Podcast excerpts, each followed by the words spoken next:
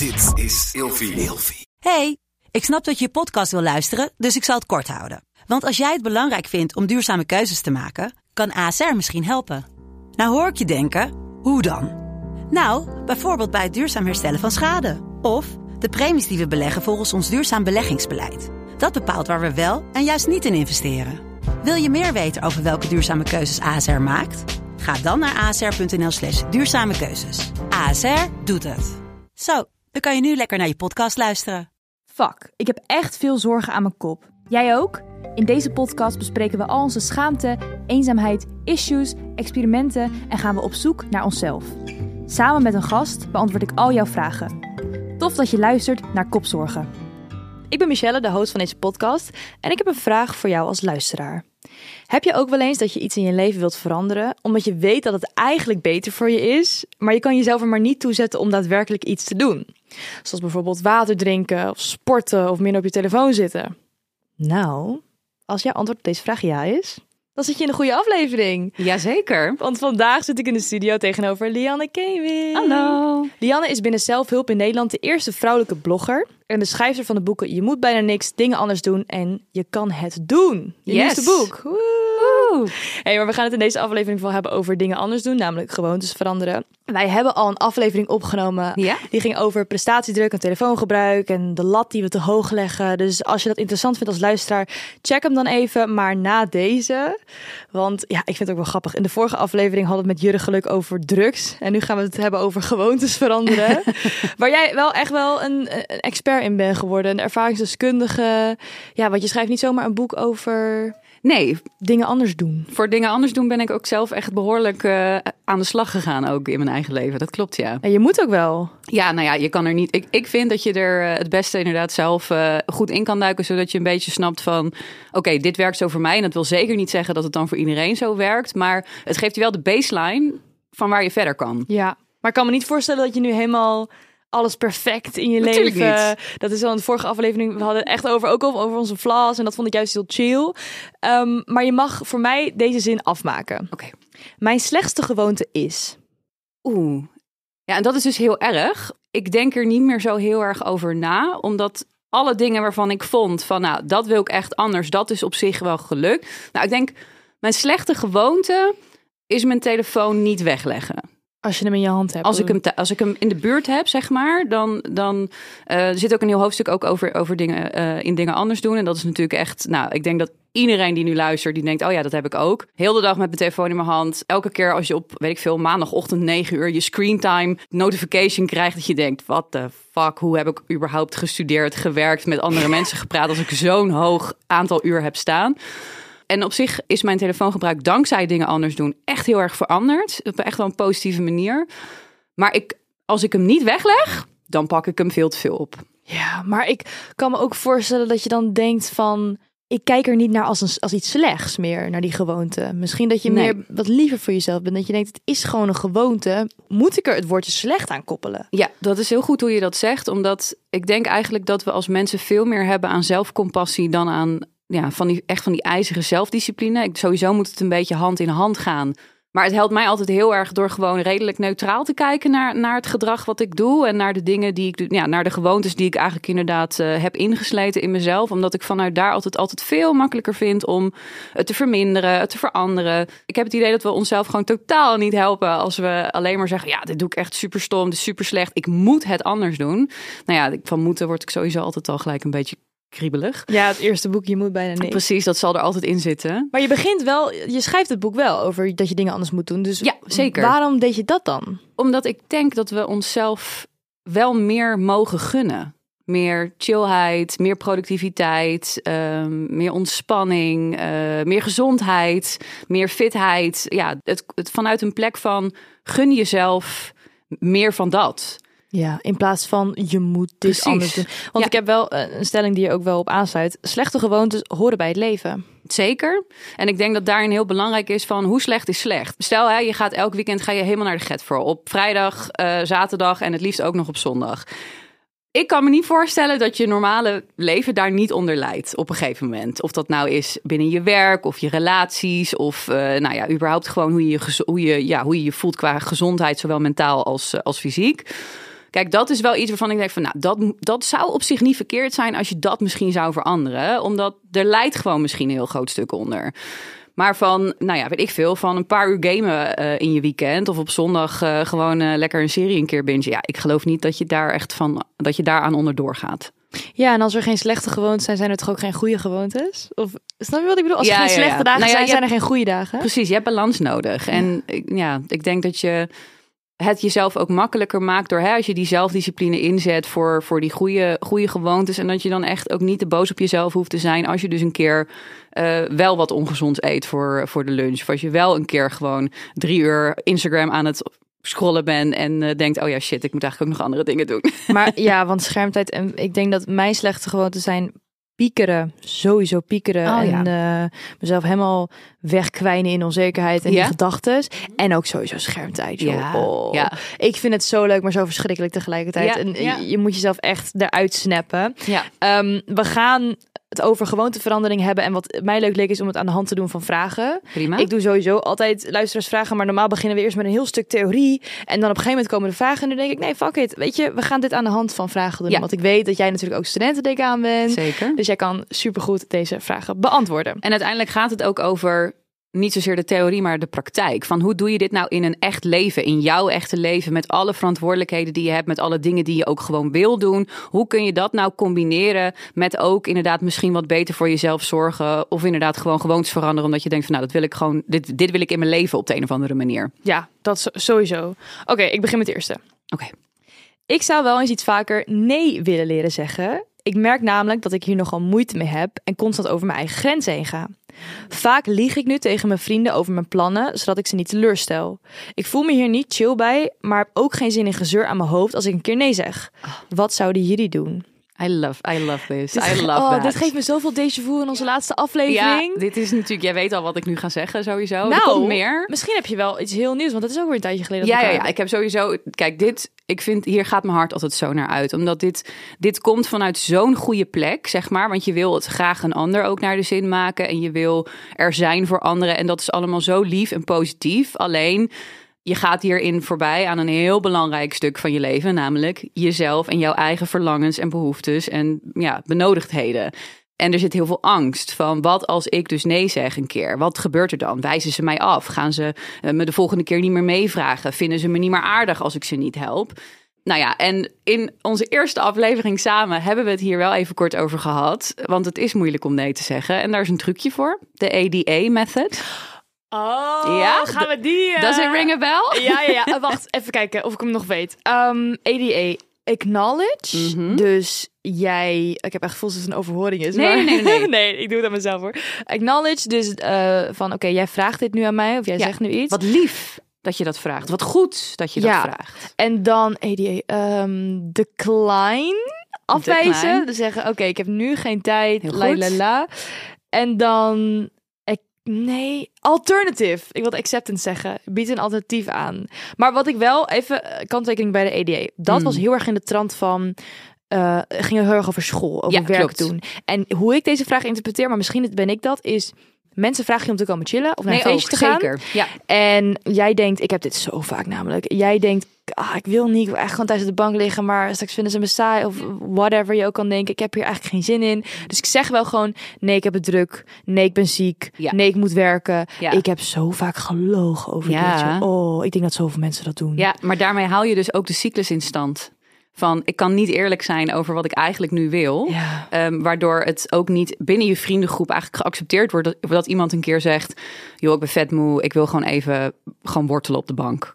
Dat heeft ook nog nooit iemand denk ik tegen mij gezegd. Als ik Nee. het- Wordt het tegen mij ook gelogen dan? Nou ja, misschien ook. Want iedereen voelt een bepaalde soort apprehension om inderdaad eerlijk te zijn over eh, ja, eventueel soort van saaie of niet coole behoeftes die je hebt. Maar je kunt hem dus op die manier ook inzetten. Ehm, als iemand jou vraagt om te komen chillen of om naar Amsterdam te gaan om te gaan stappen of eh, weet ik veel wat voor anderen wilde, wilde plannen. En jij denkt, oh, ik heb zo'n drukke week gehad. Ik weet het niet. Eh. Je mag gewoon zeggen, superleuk idee, vet leuk dat je me vraagt. Man, ik ben echt zo moe. Of ja, ik heb nu zoveel behoefte aan gewoon even thuis zijn. En dan kun je dus zeggen, kom je hierheen volgende keer. En dan is er eigenlijk nul echte afwijzing in het spel. Want diegene die- tegen wie je dat zegt, ja, die denkt waarschijnlijk ook van, oh, nou ja, goed dat ze het zegt. Ik ik heb, ik heb nog nooit meegemaakt dat iemand heel boos tegen op mij werd toen ik zei van, joh, ik ben eigenlijk te moe, dus ik ga saai hier een beetje vegeteren. Maar dat is wel oefenen en je moet jezelf daar juist aan blootstellen. Weet je wel, dus je moet dat doen, ook al vind je het spannend en denk je, ja, kut, ik ga dat nu dus doen. Terwijl normaal gesproken maak ik me ervan af met een, met een verhaal inderdaad over druk. Druk is natuurlijk makkelijk. Druk kun je je altijd achter verschuilen. Ehm, maar je moet het gaan proberen, omdat dat is de enige manier waarop je erachter komt dat er niks ergs gebeurt als je dat doet. Ik vind niet, waarom is eerlijk zijn zo moeilijk? Ik vind liegen altijd zoveel makkelijker, terwijl dat slaat eigenlijk, als je het zo zegt, helemaal nergens op. Het is veiliger, omdat op het moment dat het wel zou gebeuren, dat jij tegen mij zegt: Kom, Lian, we gaan, eh, eh, we gaan daarheen. En ik zeg tegen jou: eh, Nee, ik, sorry, ik ben te moe, andere keer. En jij wordt wel boos, dan is dat een persoonlijke afwijzing van mij. Want door een behoefte van mij, die ik echt heb, die ik aan jou aangeef en jij reageert er afwijzend op, dat komt bij mij heel hard binnen. Ja. Terwijl als jij gewoon zegt: Ja, druk, dan is sowieso gewoon een smokescreen. Dan kan ik teleurgesteld zijn, maar dan gaat het niet echt over jou. Ja, dit is ook wel echt zo, want ik heb, weet je wel, dat er zijn echt maar mijn vrienden van mij schuldig aan dat ik dan zei, nee, ik moet morgen werken. Zeiden ze, oh, hoe laat dan? Ik zei, "Ah, twee uur, twee uur 's middags. Oh joh, maar dan kan je toch gewoon mee? En dan, dan ging ik dus, in Ja. vervolg zei ik dan, negen uur 's ochtends. Omdat ik dan niet dat gezeik over me heen Ja, krijg. Van, ja. Eh, weet je wel, en, en nu ben ik ongeveer tot het punt gekomen dat ik zeg, het maakt helemaal niet uit hoe laat ik moet werken. Dat ik echt denk van, ik ben niet aan jou een verantwoording schuld. Ik word er bijna Grenzen, pissig van. grenzen, Ik- grenzen. Ik moet je zeggen, ik, ik weet niet veel over mezelf, maar mijn grenzen weet ik wel. Goed zo. Hey, laten we doorgaan naar de volgende Ja. vraag. Vraag van Jasmine, Jasmine, verbeter me als ik het niet goed zeg. Ik zou vet graag een ochtendroutine willen hebben, Mhm. maar ik merk dat ik vroeg opstaan zo kut vind. ik, wat een topper. Ik heb al tal avonden gehad dat ik bedacht om de dag erna vroeg op te gaan staan om te sporten, maar zodra de wekker gaat ligt mijn bed gewoon veel te lekker. Mm. Kan ik hier iets aan doen of moet ik gewoon accepteren dat ik geen ochtendmens ben?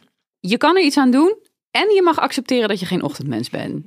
Dus het kan zo zijn dat je gewoon eigenlijk een middagsporter bent. Er is volgens mij ook het een en ander aan wetenschappelijk onderzoek wat zegt van nou in principe eh, is het hè, fysiek ben je ook echt een beetje op je prime in je middag. Voor mij voel- voelt dat niet zo. Ik ben dus wel echt een ochtendsporter. Maar je kan ook kijken naar wat er wel lukt. Want ik hoor hierin een eis. Ik moet vroeg opstaan. En dat is dus vroeger dan dat, dan dat Jasmin normaal gesproken opstaat. Wat als dat nou niet hoefde? Of in ieder geval niet tot een soort bizarre extent. Ik heb het hier ook heel vaak over met studenten. Die willen namelijk ook het liefst meteen 's ochtends keihard beginnen met studeren. En de hele dag studeren. En dan komt het dan pas zou het zo, zogenaamd goed komen. En ik zeg dan altijd: nee, wat je gaat doen dit weekend is je gaat gewoon opstaan wanneer je normaal gesproken opstaat. Je geeft jezelf gewoon een uurtje om even wakker te worden en dan ga je studeren. Want ik weet dat als jij met jezelf afspreekt van ja, nee, ik moet er om half zeven uit en ik moet om zeven uur achter mijn studieboeken zitten. Dat gaat niet lukken, want dat doe je nooit. Dus waarom zou je dat dan nu ineens wel doen? Waarom zou dat dan nu ineens wel lukken? En dan lukt het niet en dan baal je en dan ga je de rest van de dag in een soort sad, sack modus ga je Netflixen. Terwijl op het moment dat je jezelf echt alle ruimte geeft om te denken van oké, ik word normaal gesproken zo laat wakker. Nou, dan ga ik even chillen, even ontbijten. Dan is het te doen voor mij om bijvoorbeeld om tien uur te beginnen met studeren. En dan hè, beginnen we gewoon alleen maar even met beginnen. Dat is veel makkelijker om te doen dan een x-moment in de ochtend opstaan en per se op dat moment dat het allemaal moet gebeuren. Dus dat zou ik in dit geval zou ik het ook zeggen. Oké, vroege sportles, maybe not. Maar wat zou er wel kunnen? Wanneer wordt ze normaal gesproken wakker? Pak een half uurtje eerder. En nou ja, je kan dat op allerlei verschillende manieren doen. Bijvoorbeeld door, hè, zet eens een YouTube-filmpje aan van een kwartier met, met yoga-oefeningen. Eh, ga naar buiten. Ja, weet je, je kunt, hou het in het begin dus klein. Want dat zou wel kunnen lukken. En dan kun je daarna altijd, hè, op het moment dat je dat een tijdje hebt gedaan, kun je eens kijken van, goh, ik zou op zich nog eerder willen opstaan. Of ik zou mijn ochtendroutine nog iets verder willen uitbreiden. Of je kunt denken, ik ben geen ochtendmens. Dus ik ga gewoon ochtends even gewoon mijn grumpy ass zelf zitten zijn. Totdat ik een beetje bij de mensen ben. En ik ga in de pauze ga ik sporten. Of ik ga na mijn eh, college ga ik sporten. Of na mijn werkdag ga ik sporten. En dan daarna kan ik chillen. Zo kan het ook. Ja, ik vraag me ook echt af of het niet gewoon af en toe een bevlieging is. Wil je het echt of denk je dat je dit moet, zeg maar? Ik denk, voor heel veel mensen is het ook, ik wil zo'n persoon zijn. Ja, maar oh, ik, heb het, ik heb het letterlijk hier staan. Ik zou bijvoorbeeld echt een persoon willen zijn die om zes uur opstaat. En dan ook echt vrijwillig. Ja, ja, ja, ja. En dan eerst eh, in, mijn, in mijn journal gaan schrijven. Oh. En dan Mhm. sporten. En dan douchen. En dan eh, achter zit ik achter mijn laptop. Ben ik dingen aan het doen. En dan ben ik om twee uur in de middag klaar. En dan ga ik lekker, eh, dan ga ik lekker leuke dingen doen. Want dat is wel gewoon een beetje waar dan denk ik, ja, weet je. En ik, krijg je van die tips van leg in de ochtend je kleren klaar. Leg de wekker aan de andere kant van, van de tafel. Uh, zorg dat je een planning hebt. En ik heb het al zo vaak geprobeerd, maar als ik om vijf uur de wekker zet en ik ga echt mijn bed uit, Mm. ik ben de rest van de dag kapot. Precies, want heel je bioritme is dan natuurlijk ook een beetje een soort van out of whack. Ja, en om het nou drie maanden vol te houden, zodat je gewend raakt aan die vijf uur. Eh, Ja, dus dat is misschien inderdaad niet helemaal de weg. Maar er is dus altijd wel een soort. Er is een ander soort ochtendroutine misschien wel voor je weggelegd. Waar je ook heel blij van wordt. Waarvan je ook denkt: chill, ik ben, ik ben zo'n persoon. die ochtends eerst even op de bank een kopje thee drinkt. voordat ik eh, helemaal weer in mijn telefoonmodus bijvoorbeeld ga. Of ik, eh, ik doe even stretchen. ochtends. Weet je wel, er zijn allerlei variaties. Ehm, maar we moeten dus inderdaad accepteren dat we misschien dus niet die persoon zijn die om vijf uur opstaat en met een soort van chakra meditatie muziek inderdaad met de journal gaat zitten met een edelsteen op de voorhoofd. Dat, ja, misschien is ben je die persoon niet en dat is ook oké. dat is dat stukje zelfcompassie, waar, Ja. ik, waar ik het gevoel heb dat jij heel erg altijd verstaat. En waar ik het altijd heel fijn vind om met jou te praten. Want dan heb ik echt het gevoel dat ik alles weer goed doe, weet je wel. Dat Ja, is maar dat, chill. dat, dat is ook zo. Alleen zeg maar de enige die vindt dat je het nog niet goed genoeg doet, Ben jezelf. ben jezelf. Ja. Wat ik ook interessant vond, is dat jij eh, een beetje over een stukje mindset. In jouw boek schreef je ook een experiment tussen mensen die radijsjes en chocolade eh, Ja. koekjes gingen eten.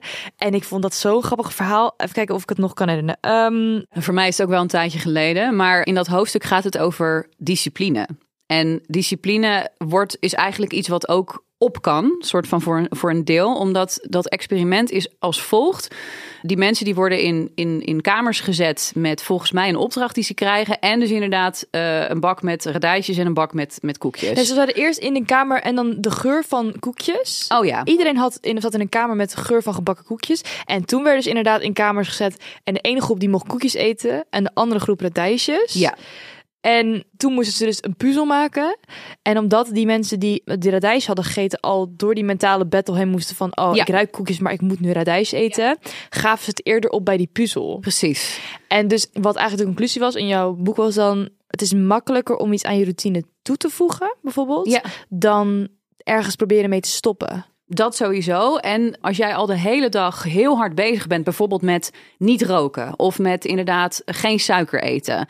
En s'avonds val je op de bank, dan is het veel moeilijker voor jou om bijvoorbeeld inderdaad niet te Netflixen, terwijl je eigenlijk misschien nog nuttige dingen had moeten doen. Dan is het veel moeilijker om je telefoon weg te leggen, want je hebt al heel veel van je mental load heb je besteed eigenlijk aan dat allemaal doen, in plaats van ja, je hebt het misschien dus niet meer over. Dus daarom kun je beter ook dus inderdaad in kleine stapjes eh, het heel erg makkelijk voor jezelf maken. Een goed voorbeeld daarvan is misschien dus ook wat ik in mijn boek schrijf over mijn telefoon of mijn social media gebruik. Voor mijn eerste experimenten met minder social media gebruiken, heb ik mezelf echt tegen mezelf in bescherming genomen. Ik heb mijn wachtwoorden ver- eh, gegeven aan een vriend van mij, die laten veranderen en gezegd: over drie maanden mag ik weer. Zie je dan? Oh. Helemaal weggegeven. En ik kon er gewoon niet in. Niet in mijn Twitter, niet in mijn Insta. Ik kon er gewoon echt niet bij. Dat heb ik twee keer zo gedaan. Dus twee keer had iemand anders had al mijn wachtwoorden en ik kon er niet bij. En daardoor kwam ik er echt meer los van. En nu kan ik het zelf. Nu heb ik ze niet nodig. Nu zeg ik gewoon tegen mezelf: oké, fuck. Ik gooi alles van mijn telefoon af. Ik gooi het van. Nou ja, ik zit er sowieso niet meer op op mijn computer. Dat staat ook in het, eh, in het boek. Ik had, van die website blokkers. Nou, die gebruik ik niet meer. Maar ik zit ook niet meer op social media. Dus hè, we moeten ons brein wat dat betreft ook heel erg opvoeden. Maar je moet het dus inderdaad in het begin moet je jezelf echt een beetje als een soort kleuter behandelen. En dan daarna. Eh, dan kost het dus die wilkracht, wilskracht niet meer. Omdat, ja, het, je hebt het er wel een beetje uitgesleten. Maar ik heb wel het gevoel dat mensen zeggen altijd: ik wil minder schermtijd, ik wil minder mijn telefoon. Totdat jij tegen ze zegt: oké, doe dit dan. Geef je wachtwoorden drie maanden aan de ander. Tuurlijk. Nee, nee, dat nou, maar ja, zo erg wil ik het nou ook Nee, weer niet. klopt. Dan denk ik echt Ja. van: jij roept gewoon dat jij, want ik heb Maar het is ook moeilijk. Nou, ja, ik weet niet. Ik, ik heb ook dat eigenlijk. Ik ben zo hypocriet. Ik heb dat ook, man. ik denk ook van ja, ik wil minder schermtijd. Maar om na drie maanden cold turkey te gaan, als je echt verslaafd bent aan je telefoon, wat ik wel echt ook wel Mhm. ben. Ben jij ook nog steeds verslaafd aan je telefoon? Nou ja, minder. Maar ik ga dus nog steeds elk jaar ga ik soort van minstens uh, twee of drie maanden ben ik er gewoon niet. Dus dat was dit jaar was dat dan in januari. Uh, misschien doe ik dat van de zomer ook wel weer een maandje. Maar voor mij is dat dus heel goed, want daardoor ben ik er, kom ik er elke keer weer los van. En dan vind ik het ook gewoon echt weer leuk als ik er ben. En heb ik er, kan ik het makkelijker wegleggen. Tuurlijk, ik ben ook een mens, dus op het moment dat hij naast me ligt, dus wat ik ook aan het begin van de aflevering zei, dan pak ik hem te makkelijk op. Dus ik, als ik werk gedaan moet krijgen, moet hij wel echt even een beetje soort van aan de zijlijn. Maar het, het, het heeft echt een positief effect. Ja, je moet even tandjes op elkaar. Uh, maar ik, ik hoor natuurlijk ook precies wat jij zegt. Zeker op het moment, en dat begrijp ik natuurlijk ook van jou heel goed. Je hebt het ook soort van nodig voor waar je mee bezig bent. Ja. En dat is dat maakt het ingewikkelder. Uh, maar ook daar zijn soort contingency plans voor te bedenken. Namelijk, je bedenkt van tevoren content, die geef je ook aan die persoon. En je zegt, nou, pleur dit er maar hier en daar op. En dan moet je inderdaad het vereist stepping away wel voor een stukje. En het hoeft ook natuurlijk niet per se drie maanden te zijn. Hè? Je kunt dus ook zeggen van oké, weet je, ik ga het een maand proberen. Maar dat helpt dus in het begin wel echt heel erg. Want je wordt je zo bewust van hoe vaak je dus zit te kijken en wat het allemaal doet met je hoofd. En het is gewoon echt heel interessant. En dat vind ik ook zo leuk aan gewoonteverandering en ons eigen gedrag. Het is zo fucking interessant. Waarom, waarom heb ik die behoefte? Waarom pak ik dat heel de tijd? Waarom gebeuren er zoveel dingen in mij zonder dat ik erover nadenk? En daar hoef je, je hoeft echt niet alles helemaal kapot te analyseren. Maar je kunt er soms wel dingen uithalen waar je echt, echt van leert. En waar je ook op een hele positieve manier mee verder kan. Het, het heeft inderdaad twee kanten. Het is inderdaad hoe maakbaar is het leven. En je moet dit, je moet dat. En dat je denkt, ah, weet je, het is allemaal een beetje te veel. Ik ga gewoon apart op de bank liggen. Ja. Of je pakt inderdaad een paar dingen van je, kijk, hier wil ik wat aan doen. Ja. Doet 30 dagen experimenten waar ik sowieso echt fucking fan van ben. Gewoon 30 dagen geen koffie, 30 dagen geen social media. Vet goed. Uh, maar ook, er zijn natuurlijk andere gewoontes dan bijvoorbeeld meer water drinken. Je hebt ook bijvoorbeeld, stel je in een relatie, je bent heel veel jaloers of je bent heel erg Mm. onzeker of uh, weet je wel. Um, daar wil ik het ook nog over hebben. Maar het lijkt me goed om dat in de tweede aflevering te Oh, dat is goed. Jongens, bedankt voor het luisteren. Wil je nou meer luisteren naar ons? Dat kan, want er staat een aflevering online. Of je wacht tot de volgende. Dankjewel en tot de volgende kopzorgen. Wat gebeurt er als ik een weekend lang niet mag praten en ook niet in mijn telefoon kan vluchten? Nou, paniekaanvallen gewoon. In mijn ervaring is dat niet waar de langdurige duurzame verandering zit. Ja. Die zit echt in die baby